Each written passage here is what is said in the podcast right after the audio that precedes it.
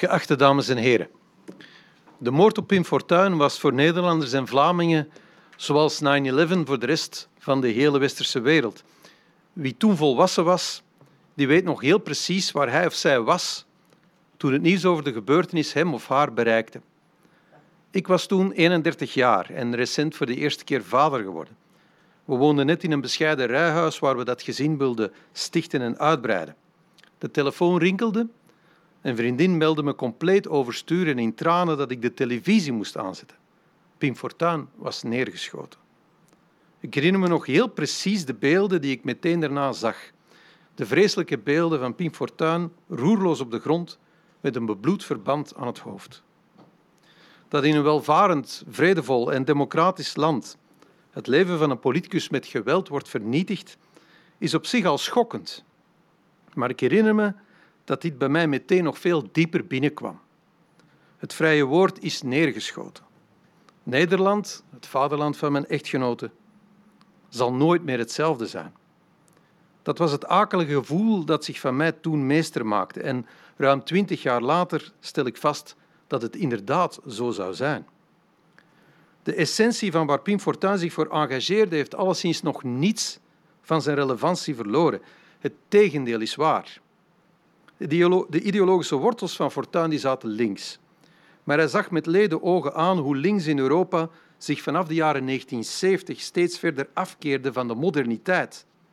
Het postmodernisme verbouwde de verlichting van de vuurtoren voor onze samenleving tot de lichtbak van ons eigen racisme. In zijn boek De Verweesde Samenleving pleitte Fortuyn al in 1995 vurig voor het opnieuw omarmen van de nationale identiteit gestoeld op de erfenis van het Jodendom, het christendom en de verlichting. Maar de intellectuele elite zou hem daar niet in volgen.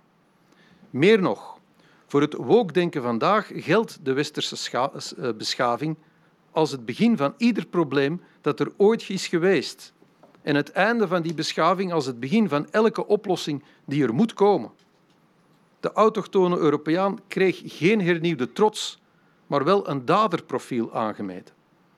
Minderheden kregen op basis van gender en etniciteit een slachtofferprofiel aangemeten. En zo evolueren we in de richting van tribalisme in plaats van cohesie.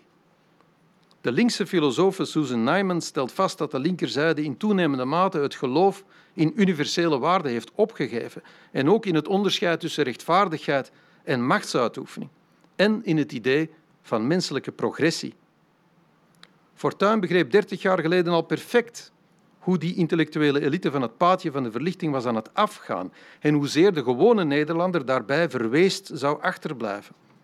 Gelijkheid van alle mensen door emancipatie werd opgegeven.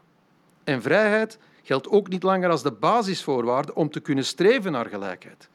Vrijheid wordt vandaag gezien als het machtsinstrument van de dominante groep om minderheidsgroepen uiteindelijk telkens weer te verknechten.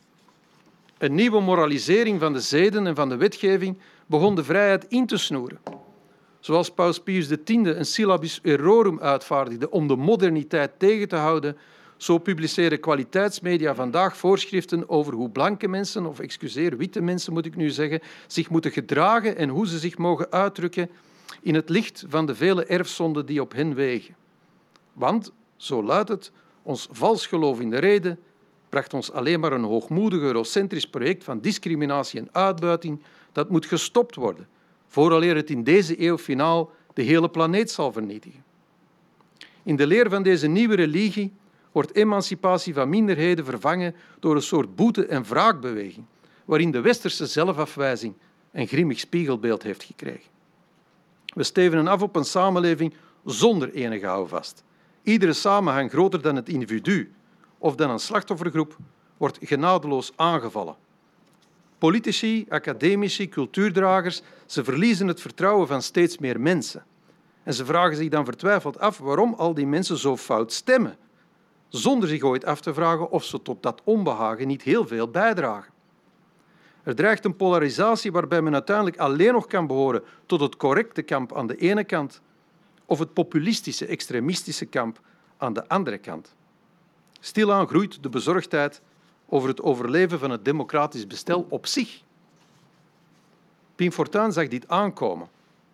En hij had een machtig wapen, humor. Ironie met name, het soort humor dat prikkelend de juiste vragen stelt bij het mainstream denken. Daarmee dwong hij relevante maatschappelijke debatten af, waarbij gesprekspartners gedwongen werden hun standpunten te staven in plaats van ze als axioma's te verordenen. En Fortuyn liet zien dat de keizer vaak geen kleren aan had. Hij was niet bang voor de banbliksems van de progressieve kerk. Integendeel, hij werd sterker van onredelijke reacties. En tegelijk ging hij geen enkel redelijk gesprek uit de weg. Hij was zeker geen dogmaticus. Hij durfde zeggen dat een leider de weg moet wijzen, maar zich ook elke dag moet afvragen of de gekozen richting ook daadwerkelijk de juiste is. De prijs Pim Fortuyn brengt hulde aan zijn erfenis. En ik denk dat die erfenis de opdracht is om de vrijheid te verdedigen. De imperfectie van vrijheid is immers altijd oneindig kleiner dan de imperfectie van onvrijheid. Een slecht idee kan alleen worden bevochten met een beter idee. Nooit met repressie. Niet maatschappelijk en al zeker niet voor de rechtbank. De moralisering van onze wetgeving door de herinvoering van opiniedelicten is een foute keuze. Ik geloof in onze nationale identiteit als de hardware van onze democratie.